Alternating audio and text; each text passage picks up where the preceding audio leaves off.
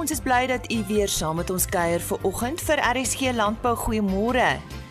Op vandag se program, ons uh, medewerker in die Oos-Kaap Karen Venter het tydens die Agri Oos-Kaap Kongres met die adjunk direkteur-generaal vir landbouontwikkelingsdienste in die Oos-Kaap gesels oor dit wat daar gebeur en uh, veral terugvoer na die Agri Oos-Kaap Kongres. Ons vind meer uit oor oeskatting, hoe dit bepaal word, uit wie die komitee bestaan. Ons gesels ook oor verwagte oeskattingssyfers. En dan, indien jy belangstel om dalk 'n staproete op jou plaas te begin, bly ingeskakel. Ek gesels ver oggend met die RPO en onder meer met Corin Stein. Sy is bestuurder skakeling van die Nasionale Rooi Vleisprodusente Organisasie. Hulle is natuurlik ook vanjaar betrokke by Alfa want uh, Alfa gaan oor vee en lewende hawe en hoekom nou nie die RPO nie, maar hoe is julle betrokke? Goeiemôre Corin. Uh, môre Lize, ag dit is 'n voorreg vir die RPO om deel van hierdie inset te wees. En dan um, ja, wie wat die RPO is betrokke by Alpha sedert jaar 1. Uh aangesien dit 'n lewende hawe expo is en die RPO die primêre rooi vleisprodusent in die rooi vleiswaardeketting verteenwoordig, het ons gevoel dat ons betrokkeheid by Alpha kardinaal en van baie groot belang is. Die RPO ondersteun Alpha om 'n platform uh, te skep waar rolspelers binne lewende hawe bedryf interaktief met mekaar kan skakel. Uh dit is daar daaroor vir ons 'n groot riem onder die hart dat 'n instansie soos Alfa so groot geleentheid skep vir die lewehawende bedryf en uiteraard is die RPO dan uh ten volle ondersteunend uh eens Alfa self. Ehm um, hierdie jaar het ons 'n bietjie van 'n verandering gemaak en is die RPO betrokke by die interras uh, slagos en karkas kompetisie. Die kompetisie geskied uiteraard onder Sanic se reël, maar daar is geen finalisasie uh, van toepassing in terme van gewig nie. Met ander woorde, ligte en swaar karkasse gaan op dieselfde basis beoordeel word. Da, dit is egter net van so 'n aard dat kruisrasse nie ingeskryf mag word nie, ehm um, aangesien dit gaan hier oor rassuiwerheid. Dan wil ons dan net van die geleentheid gebruik maak om vir plaasmedia en alfa spesifiek geluk te wens met die uitstekende geleentheid en glo dat uh, die uh, byeenkoms van jaar tot jaar groter sal word en dat dit uiteraard jaarliks die prestigie geleentheid vir die lewende hawe bedryf in Suid-Afrika sal raak. En daarmee sê ons baie dankie aan Corin Stein van die Nasionale Rooi Vleisprodusente Organisasie.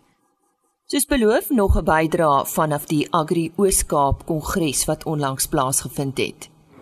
Luisteraars, ek het gou-gou vir Leon Kutse hier by die Agri Oos-Kaap uh, eenkant toe getrek. Ek nader kennis te maak en dan om meer te hoor oor watter werk hy nou eintlik doen in die lewe. Ja, baie dankie. Um, ek is Leon, my naam is Leon Kutse. Ek is adjunkteur-generaal vir landbouontwikkelingsdienste in die Oos-Kaap provinsie, ehm um, in die departement van landelike ontwikkeling en landbouhervorming. Ek uh moet onomwonde vanmiddag sê dat ek baie opgewonde is oor die houding van die kommersiële sektor ten opsigte van landbouhervorming.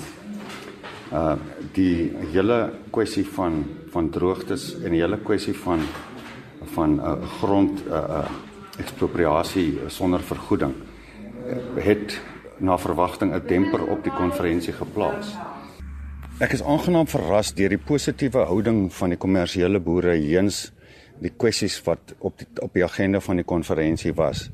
Uh die hoofsprekers uh, uh professor Angelo Fick uh as as ook meneer Innes Pringle het ons uh as 'n geheel die sektor baie positiewe inligting gegee ten opsigte van die benadering wat ons moet volg oor grond die hele kwessie van grondhervorming as ook van noodskappe waarvan die die kommersiële sektor baie duidelik te kenne gegee het dat hulle bereid is om saam met ons die staat en vennootskappe te tree ten einde die swart gemeenskappe en voorheen benadeelde gemeenskappe op te hef en ook in die landbousektor in te kry. Ek moet onomwonde sê dat ek baie beïndruk is met die besprekings as ook die resolusies wat tot dusver by hierdie kongres gemaak is.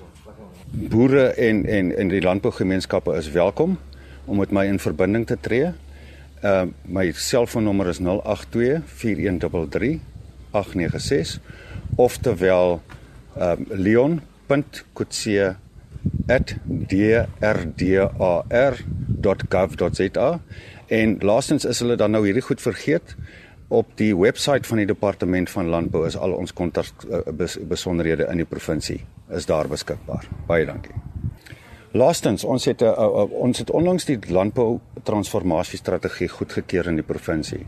Nou wat wat ons lei ten opsigte van die vennootskappe waarvan ons uh, wat ons graag wil, wil vestig tussen die kommersiële sektor en die ontwikkelende sektor in die in die uh, boerdery. Ons ons is baie opgewonde dat ons tans hoë uh, vlakke van vennootskappe kan kan, kan oorpraat met die met die uh, wol wolindustrie, die sitrusindustrie as ook met Graan Suid-Afrika as as sowel as hulle uh, ontwikkelingsafdeling Gifada waarmee ons nou saamwerk en ons het reeds positiewe resultate daarmee bereik in die sin dat ons het boere van Matatiel in die Afrikaanse distrik wat reeds hulle mielies uit begin voer het, hulle geel mielies uitgevoer het na Vietnam waarvan ons uh, getuienis gehad het laasweek. Karen Venter wat daar met Leon Kutse gesels het, hy is adjunk direkteur-generaal vir landbouontwikkelingsdienste in die Oos-Kaap. Ons uh, gesels nou met Philip Oosthuizen van Sernik wat ook betrokke is by Alfa. Julle is uh nie die eerste keer betrokke by Alfa nie, julle was al betrokke, nê, nee, Philip? En ja, dis uh, ons is al vir die vir die derde jaar op ons betrokke is by by die Alfa skou. Ehm um, ons sien Alfa as 'n baie goeie geleentheid ehm um, vir die vir die hele lewende hawe sektor basies. Jy weet om almal bymekaar te bring uh, wat dit produsente uh wat produsente aan betref, wat die primêre produsente, sekondêre produsente ook ook die retail ouens bymekaar bring en dan ook al die dienste verskaffers en produkte verskaffers lekker bymekaar bring. Uh ons ons sien regtig dat dit 'n groot skou gaan word um, en dat mens van begin af betrokke moet wees en betrokke moet bly om 'n om 'n groot skou te bou. So ek dink die, die toekoms sal alfaas ook is ook baie groot ehm um, wat wat voor lê en uh, ja, ons kry nodige blootstelling wat ons wil hê vir die vir die Sernik groep ehm um, wat wat dit dan betref en uh, ons sien baie uit na die na 2018 skou. Is daar iets spesifiek wat julle gaan doen by hierdie skou? En ja, ons het uh, soos almal weet ons is nou die die Serni Corner, ehm uh, as ons die dome instap in die hoek wat ons wat ons verlede jaar ook gehad het. Uh soos weer die Serni Corner, ons doen die dinge so 'n bietjie anders die jaar. Die uitstalling het ons 'n bietjie op 'n meer moderne manier gedoen. So kom kyk graag vir ons daarso. Uh ons het 'n klomp uh 'n klomp goed wat ons anders gaan doen. Ehm um, kompetisies wat ons wat ons wat ons geloods het wat ons saam met Alfa en en twee plaas hardloop by die aard van die saak um, van die kompetisies ehm um, sluit in die jeugkarkas kompetisie wat ons so vyf lank beskole het wat wat ingeskryf het wat nou al lekker voer die afgelope paar maande so hulle kom hulle diere daar teen toonstel wat dan geslag word. Uh wat ons gaan beoordeel 'n wenner kry en naas wenner kry wat ons nou uit die afstand sal wissel trofees voor gaan gee. Die karkaste die wenkarkaste van uitgestal word by die Sterling Corner in die dome by Alfa uh ons almal kom kom kyk hoe die hoe die landbeskole ook baie effektief kan afrond en kom kyk hoe hoe goed hulle karkaste lyk. Ons het natuurlik ook die opkomende boere uh wat wat ook 'n paar pakkies diere inskryf. Ehm uh, so hulle wendiere is ook tentoongestel word om te kyk dat ons opkomende sektor uh laat hulle ook ook regvoer en kan regvoer. Kom kyk hoe lyk hulle karkaste daarso. Ons gaan vir hulle help daarmee en dan tot die People's Choice uh Beef Challenge wat ons ook kan deelneem namens die Bosmara genootskappe en uh wat ook kan kom ons maar vleis proe en kyk wat wat hier kom bo uit tussen die klompie rasse en so voort. En verder het ons het ons in die Serni Corner, het ons kuier. Ons het uh so vir julle 'n wyntjie gee daarso, ons eie wynreeks, Sernik wynreeks. Kom drink 'n wyntjie saam met ons en uh, kom kyk hoe lyk die ware ketting. Ons sal allerlei verskafferings daar hê, so kom selfs met ons um, in terme van enige sektor wat ons basies in is um, van Sernik se kant af. Ehm um, en ehm um, ja nee, ons sien uit na die jaar van 2018. Ja, dis sommer 'n mondvol, daar sê Philips Oosthuizen van die Sernik groep. Dankie Henny en later gesels Henny Maas met Albert Bossert oor uh, staproetes op plase. Ons hoor gereeld in die nuus wat die oeskattingskomitee van die seisoen se landbouproduksie verwag. Maar weet ons regtig wat dit behels? Rona Bekes vertel ons nou hoe hierdie data ingesamel word en hoe hulle te werk gaan om die sektor van hierdie inligting te voorsien. Sy is 'n senior statistikus by die departement Landbou, Bosbou en Visserye. Rona, wie presies is die oeskattingskomitee? Ja, die oeskattingskomitee is 'n onafhanklike komitee en funksioneer onder leiding van die departement van Landbou, Bosbou en Visserye Die res van die lede bestaan uit verteenwoordigers van die provinsiale departemente van landbou, die Landbou Navorsingsinstituute, Statistiek Suid-Afrika en die Buro vir Voedsel en Landboubeleid, ook beter bekend as BFAP.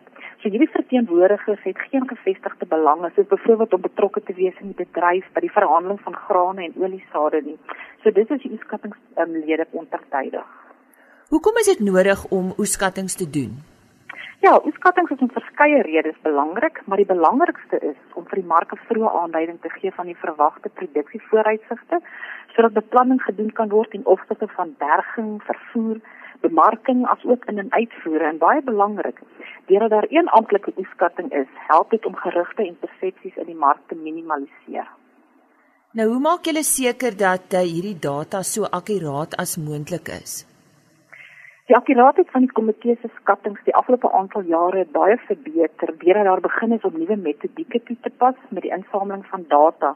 So om dit moontlik te maak, maak die skattingskomitee gebruik van inligting van produsente, lugopname en dan by hierdie lugopname vlieg daar 'n vliegtyg laag oor ongeveer 15000 lande wat op 'n statistiese manier gekies word en dan 'n produsent in die vliegtyg bepaal dan watter gewas geplant is op elkeen van die 15000 lande En nadat hierdie gegevens ingesamel is, word die oppervlakte deur middel van statistiese berekenings gedoen vir al die gewasse wat die komitee skat. En dan maak die komitee ook verder gebruik van 'n groei simulasiemodel. Hierdie model gebruik verskeie faktore soos die beskikbare grondvog, voortplantyd, asook reënval, die tipe kultivars aangeplant en ander produksie-insette om die moontlike oesopbrengs, dit is nou die ton per hektaar te bepaal. Dan maak ons ook gebruik van geografiese inligtingstelsels, globale posisioneringsstelsels en satellietbeelde. Wat baie belangrik is, daar is 'n norm deur al die rolspelers in die graanbedryf gestel waar binne die oeskattingskomitee moet presteer en dit is naamlik die oeskatting vanaf die eerste tot die vierde skatting binne 8% moet wees van die finale oes en vanaf die vyfde skatting moet dit binne 5% wees van die finale oes. So al hierdie inligting word dan aan die komitee voorgeles as wat ek genoem het en dit word bespreek en deur middel van 'n konsensus word daarop 'n oeskatting besluit. En uh, hoe word die totale oes dan aan die einde van die seisoen bereik? Die totale oes bestaan uit drie verskillende komponente. Die eerste komponent behels fisiese produsente leweringe aan kommersiële strukture Produsente lewerings maak gewoonlik so tussen 95 tot 97% van die totale oes uit en dit word deur die Suid-Afrikaanse Graaninligtingdiens ook beter bekend as SAGS gemonitor. Die tweede komponent verwys na terughoudings op plase of ook beter bekend as plaasverbruik. Hier binne die departement um, as ook een van ons ander data insetverskaffers naamlik die nasionale oeskattingskonsortium 'n opname waar produsente direk gekontak word om uit te vind hoeveel van sy totale oes is fisies op sy of haar plaas terughou vir eie verbruik. En dan die laaste komponent behels um, saadproduksie. Inligting rakende saad word dan vanaf die Suid-Afrikaanse Nasionale Saadorganisasie verkry. En dan hierdie gedeelte van die saad en die terughoudings op plase word by die produsente lewering vertel ten einde die werklike grootte van die mielieoes te kan bepaal. En vir die luisteraars wat nou eers by ons aangesluit het, ons gesels vanoggend met Rona Bekes. Sy is 'n senior statistikus by die Departement Landbou, Bosbou en Visserye. En ons gesels oor oeskattinge en hoe die syfers bepaal word. Kom ons praat nou oor eh, wat jy verwag vir die seisoen se somergewasse, Rona. Ja, volgens die nuutste mielieoeskatting van 26 Julie word die oes op 13,2 miljoen ton geraam. Dit is die vierde grootste mielieoes wat nog in die geskiedenis van Suid-Afrika geproduseer is. Dan soos ons weet, was laas jaar se oes van 16,8 miljoen ton die grootste oes nog ooit geproduseer. Kyk ons na sonneblomsaad, die produksieskatting is 792 000 ton. Dit is so 50 000 ton hoër as die afgelope 5 jaar se gemiddelde produksie van 740 000 ton. Ten opsigte van die sojaoes, dit word op 1,6 miljoen ton geraam. Dit is die eerste keer dat Suid-Afrika so groot oes produseer. Ten opsigte van grondbone is die verwagte oes 52 000 ton, wat effens laer is as die afgelope klompe jare se gemiddelde oes van 65 000 ton. Versorging is die verwagte oes so 83 000 ton, wat bykans die helfte is as die vorige 5 jaar se gemiddelde oes van 150 000 ton. En dan laasens die skatting vir droë bone is so 65.500 ton wat min of meer dieselfde is as die afgelope 5 jaar se gemiddelde oes van so 64.000 ton. Ja, dit is algemeen goeie nuus vir ons. Eh, kom ons gesels oor sojaboonproduksie. Wat dink julle is die rede vir die toename, Rona? Ja, die toename in die produksie van sojabone het so ongeveer so 10 jaar gelede begin. Ehm um, die rede vir die toename in sojaboonproduksie kan hoofsaaklik toegeskryf word aan die uitbreiding in die plaaslike verwerkingskapasiteit van sojabone in Suid-Afrika. Daar is 'n hele aantal nuwe verwerkingsaanlegte opgerig deur onderskeie rolspelers in die bedryf om die plaaslike vraag na sojaboonoliekoek te voorsien. Dan ook produsente besef die waarde van sojabone in 'n wisselboustelsel met mielies, daarom dat ons uitbreidings vanaf 2008 begin sien het vanaf 'n vlak van 280 000 ton tot vandag ge 1,6 miljoen ton. En na laastens gunstige prysvooruitsigte wanneer dit vergelyk word met die aanplant van ander somergewasse het ook 'n belangrike rol gespeel. Nou, lyk my julle kan nou nogal ver vooruitkyk. Hoe lyk die vooruitskatting vir wintergewasse veral gegee die klimaatstoestande in die Kaap? En ons praat nou al van 2019, is ek reg? Dis korrek, ja. Ja.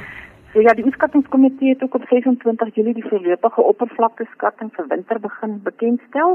Soos ons weet, word die meeste koring in die Wes-Kaap geplant, wat ongeveer 65% van die land se totale aanplantings uitmaak.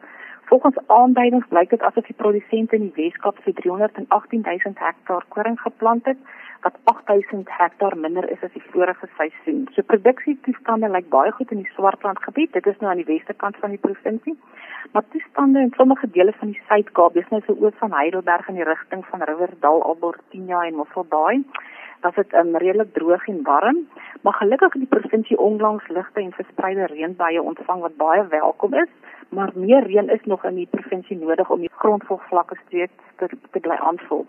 Ten opsigte van koringaanplantings in die noordelike dele van Suid-Afrika is aanduidings tans dat daar so net bietjie meer as 21000 hektaar koring aangeplant gaan word as die vorige seisoen veral in die Vrystaat waar grondvlog vlakke baie goed is. Die grootste toename is dan ook in die Vrystaat met 'n 20000 hektaar stygings in aanplantings van koring en wat volgens raming staan die koringaanplantings van in die Vrystaat op hierdie stadium 100000 hektaar vir die nuwe seisoen. So dit is opgesom Suid-Afrika lyk dit asof ons so in die orde van 13000 hektaar meer koring gaan aanplant as in die vorige seisoen.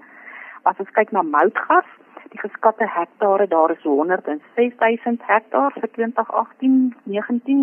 Dit is ook die hoogste aanplanting die afgelope 20 jaar, waar dit in 1998 112000 hektaar was en dan laastens die geskatte canola aanplantings is so 80000 hektaar en dit is 4000 hektaar minder as die vorige seisoen. Rona om af te sluit, wat is die produsente se rol in oeskatting? Ja, die inligting van 'n produsent is van onskatbare waarde want dit is feitelik die enigste inligting direk vanaf boere reg deur die seisoen aan die komitee. Hulle inligting is ook die enigste bron vir die bepaling van boere se voornemens om somer en wintergewasse te plant en dan verder nog met hierdie inligting kan opbrengsinligting op 'n uh, landroosdistriks basis weergegee word asook om die split tussen besproeiing en droëland te help bereken. Verder nog met die ligopname kan dan natuurlik mos nou nie onderskei word tussen wit en geel mielies nie. So dit word net gesien as mielies en hierom is die inligting van die boere, die produsente broodmiddag om die verhouding tussen wit en geel mielies akkuraat te help bepaal. So die oeskattingskomitee is regtig dankbaar vir al die data insetverskaffers wat gedurende die afgelope klompe jare bygedra het tot die oeskattingsproses en in besonder die getroue deelname van ons produsente in Suid-Afrika. Die stem daarvan Rona Bekus. Sy is senior statistikus by die Departement Landbou, Bosbou en Visserye en sy het gesels oor die werk van die oeskattingskomitee. En nou ons beloofde gesprek oor staproetes op ons plase. Ons gesels nou met Albert Bossert van die voedselorganisasie van Suidelike Afrika spesifiek oor voedselpaaie op plase. Plase is natuurlik goeie plekke vir voedselpaaie, né nee Albert? Ja, nee, dit is baie baie goeie plekke want is uh, baie mooi. Jy weet daar's alles wat jy wil hê, water en riviere en berge en so voort. Nou, hoe gaan jy te werk om 'n voetslaanpad uit te lê op 'n plaas? Maar nee, ek kan gewoonlik gaan nou doen 'n inspeksie om te sien wat is daar. Ehm um, soos byvoorbeeld berge en watervalle en al daai tipe van goedes. En dan kyk ek hoe ek hierdie goed aan mekaar kan konnekteer dit hang nou af uh, hoe groot afstand jy wil hê wil loop en is gewoonlik naweek roetes wat ek ontwikkel dan. So wat tipies gebeur is waarskynlik is dat die boer na jou toe kom met die versoek dat hy 'n voetstaanpad wil laat uitlê. Dis gewoonlik die geval ja. Dan gaan doen ek nou inspeksie en kyk wat is die omstandighede en dan gee ek 'n baie eerlike verslag of dit moontlik is en of dit nie moontlik is nie. Want dan moet ook akkommodasie wees of ou geboue wat kan omskep word in akkommodasie. So daar's minimum vereistes waaraan die boer se plaas moet voldoen. Wel, dit moet nou outomaties interessant wees en baie mooi die omgewing en so aan. Uh dit gaan nou nie help as dit net 'n plat vlakte is nie. Daar moet daar 'n interessante goedes wees, nie net natuurlik fauna en flora en al daai goedes nie, maar daar kan jy weet geskiedkundige plekke wees, argeologiese plekke en daai tipe van goed ook. En uh is daar is is Fosa dan eintlik die beheerliggaam wat toesig hou oor oor sulke paaie die die gehalte daarvan want uh, ek neem aan uh, jy weet sulke paaie moet in stand gehou word en die boer moet dit doen. Dis so kyk uh, Fosa uh, is uh, ingeskakel met die groen vlag akkreditasiestelsel waar daar 'n inspeksie gedoen word elke 2 of 3 jaar op 'n staproete om te kyk wat is die toestand uh en wat is nodig om herstel te word en dan kry hulle akkreditasie uh vir wat er ook daar is want dit gaan nie net oor akkommodasie dit gaan nie net oor die roete nie dit gaan oor veiligheid al daai tipe van goed. Is dis 'n hele lang verslag so iets soos 'n 30 bladsye verslag wat voltooi word. En na aanleiding van dit kry die boer dan nou 'n verslag en sê jy moet hierdie goed en hierdie goed en hierdie goed regmaak dan kan jy groen vlag akkreditasie kry. En die bemarking van hierdie voetslaanpaaie is daar so iets soos 'n gids waar 'n voetslaanpaaie op plase gesien kan word? Voorstel sy eie wetwerf en ons stuur gewoonlik uh, en gereeld inligting uit oor voetslaanroetes, verslae, mense wat gestap het, terugvoer en al daai tipe van roetes. So dit gaan gereeld uit na stappers toe.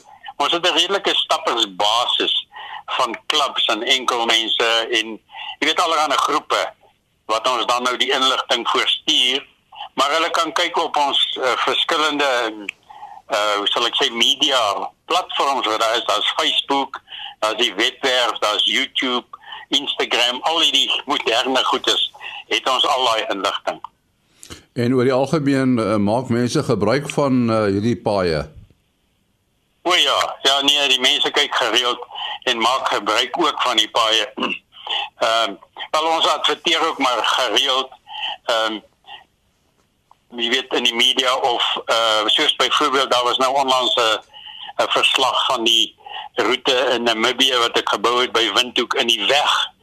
So in die media word dit blootgestel in die tydskrifte wat daar is, buitemuur of buitemuur se tydskrifte of artikels in die koerante. En is daar nie sprake van iets soos 'n Camino iewers in die uh, uh in die Karoo nie? Ja, kyk, daar is nie 'n Karoo Camino. Daar's een, ek dink daar's nou al 'n tweede een, die Tankwa Karoo Mini uh, Camino. Ons het natuurlik, ons is nog steeds aan die gang.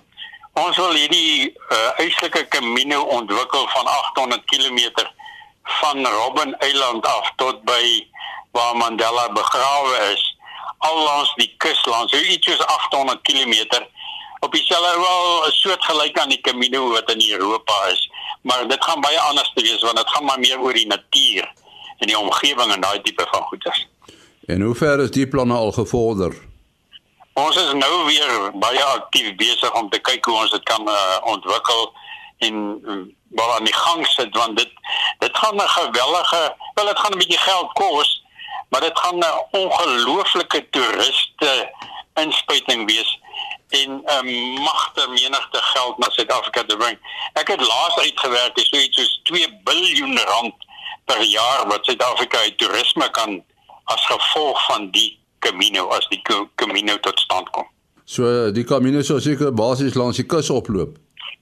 Ja, ja, dit gaan bestaande roetes uh, aan mekaar koppel gaan van die bestaande roetes gebruik, maar daar gaan nou heelwat tussen hierdie roetes moet daar nou nuus ontwikkel word.